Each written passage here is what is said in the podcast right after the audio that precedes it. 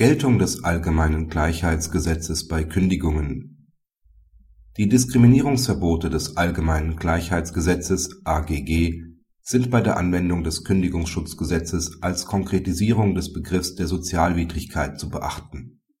Der Arbeitgeber schließt anlässlich eines Personalabbaus einen Interessenausgleich und Sozialplan mit dem Betriebsrat. Hinsichtlich der Sozialauswahl wird eine Punktetabelle vereinbart die das Lebensalter, die Dauer der Betriebszugehörigkeit und Unterhaltspflichten berücksichtigt.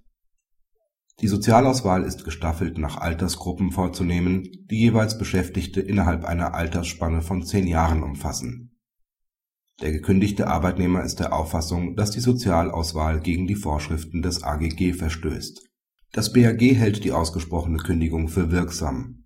Insbesondere wurde die vorgenommene Sozialauswahl ordnungsgemäß durchgeführt Dabei sind auch die Diskriminierungsverbote des AGG zu beachten.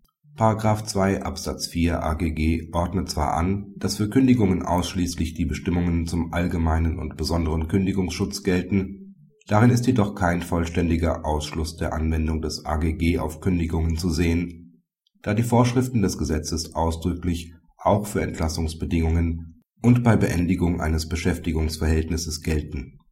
Es ist nicht davon auszugehen dass der Gesetzgeber innerhalb ein und derselben Vorschrift zwei gegensätzliche Anordnungen bezüglich des Geltungsbereichs der Norm getroffen hat. § 2 Absatz 4 AGG ist somit dahin zu verstehen, dass damit lediglich ein zweites Kündigungsrecht, nicht aber die generelle Berücksichtigung der Wertungen des Gesetzes bei der Prüfung der Rechtmäßigkeit von Kündigungen ausgeschlossen werden soll nach dem Gesetzeszweck will die Vorschrift eine Kohärenz herstellen zwischen dem Antidiskriminierungsrecht einerseits und dem auf gleicher Gesetzesebene stehenden Kündigungsrecht andererseits.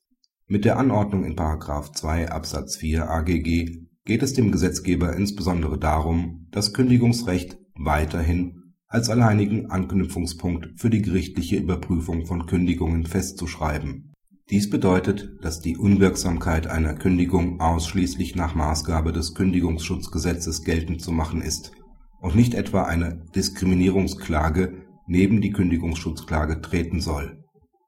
Die Diskriminierungsverbote des AGG werden nicht als eine eigene Unwirksamkeitsnorm anerkannt, sondern im Rahmen der Sozialauswahl der Kündigung überprüft.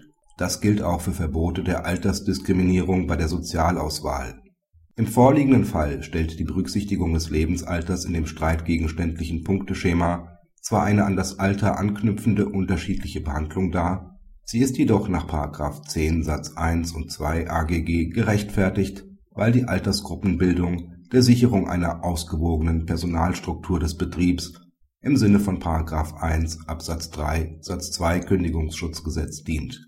Kritik der Lösungsansatz des BAG zur Verzahnung von Kündigungs und Antidiskriminierungsrecht ist zwar nachvollziehbar, angesichts der eindeutigen gesetzlichen Anordnung in § 2 Absatz 4 AGG jedoch reichlich konstruiert. Dogmatisch überzeugender wäre es gewesen, die Vorschrift als europarechtswidrig zu verwerfen, denn aufgrund der öffentlichen Empörung während des Gesetzgebungsverfahrens sollte mit der Norm bewusst ein Signal gesetzt und der Anwendungsbereich des AGG eingeschränkt werden. Von einer solchen Einschränkung kann nun keine Rede mehr sein. Künftig müssen nicht nur ordentliche, sondern auch außerordentliche Kündigungen zusätzlich zu den bekannten Rechtfertigungs und Unwirksamkeitsgründen auf eine mögliche diskriminierende Wirkung hin überprüft werden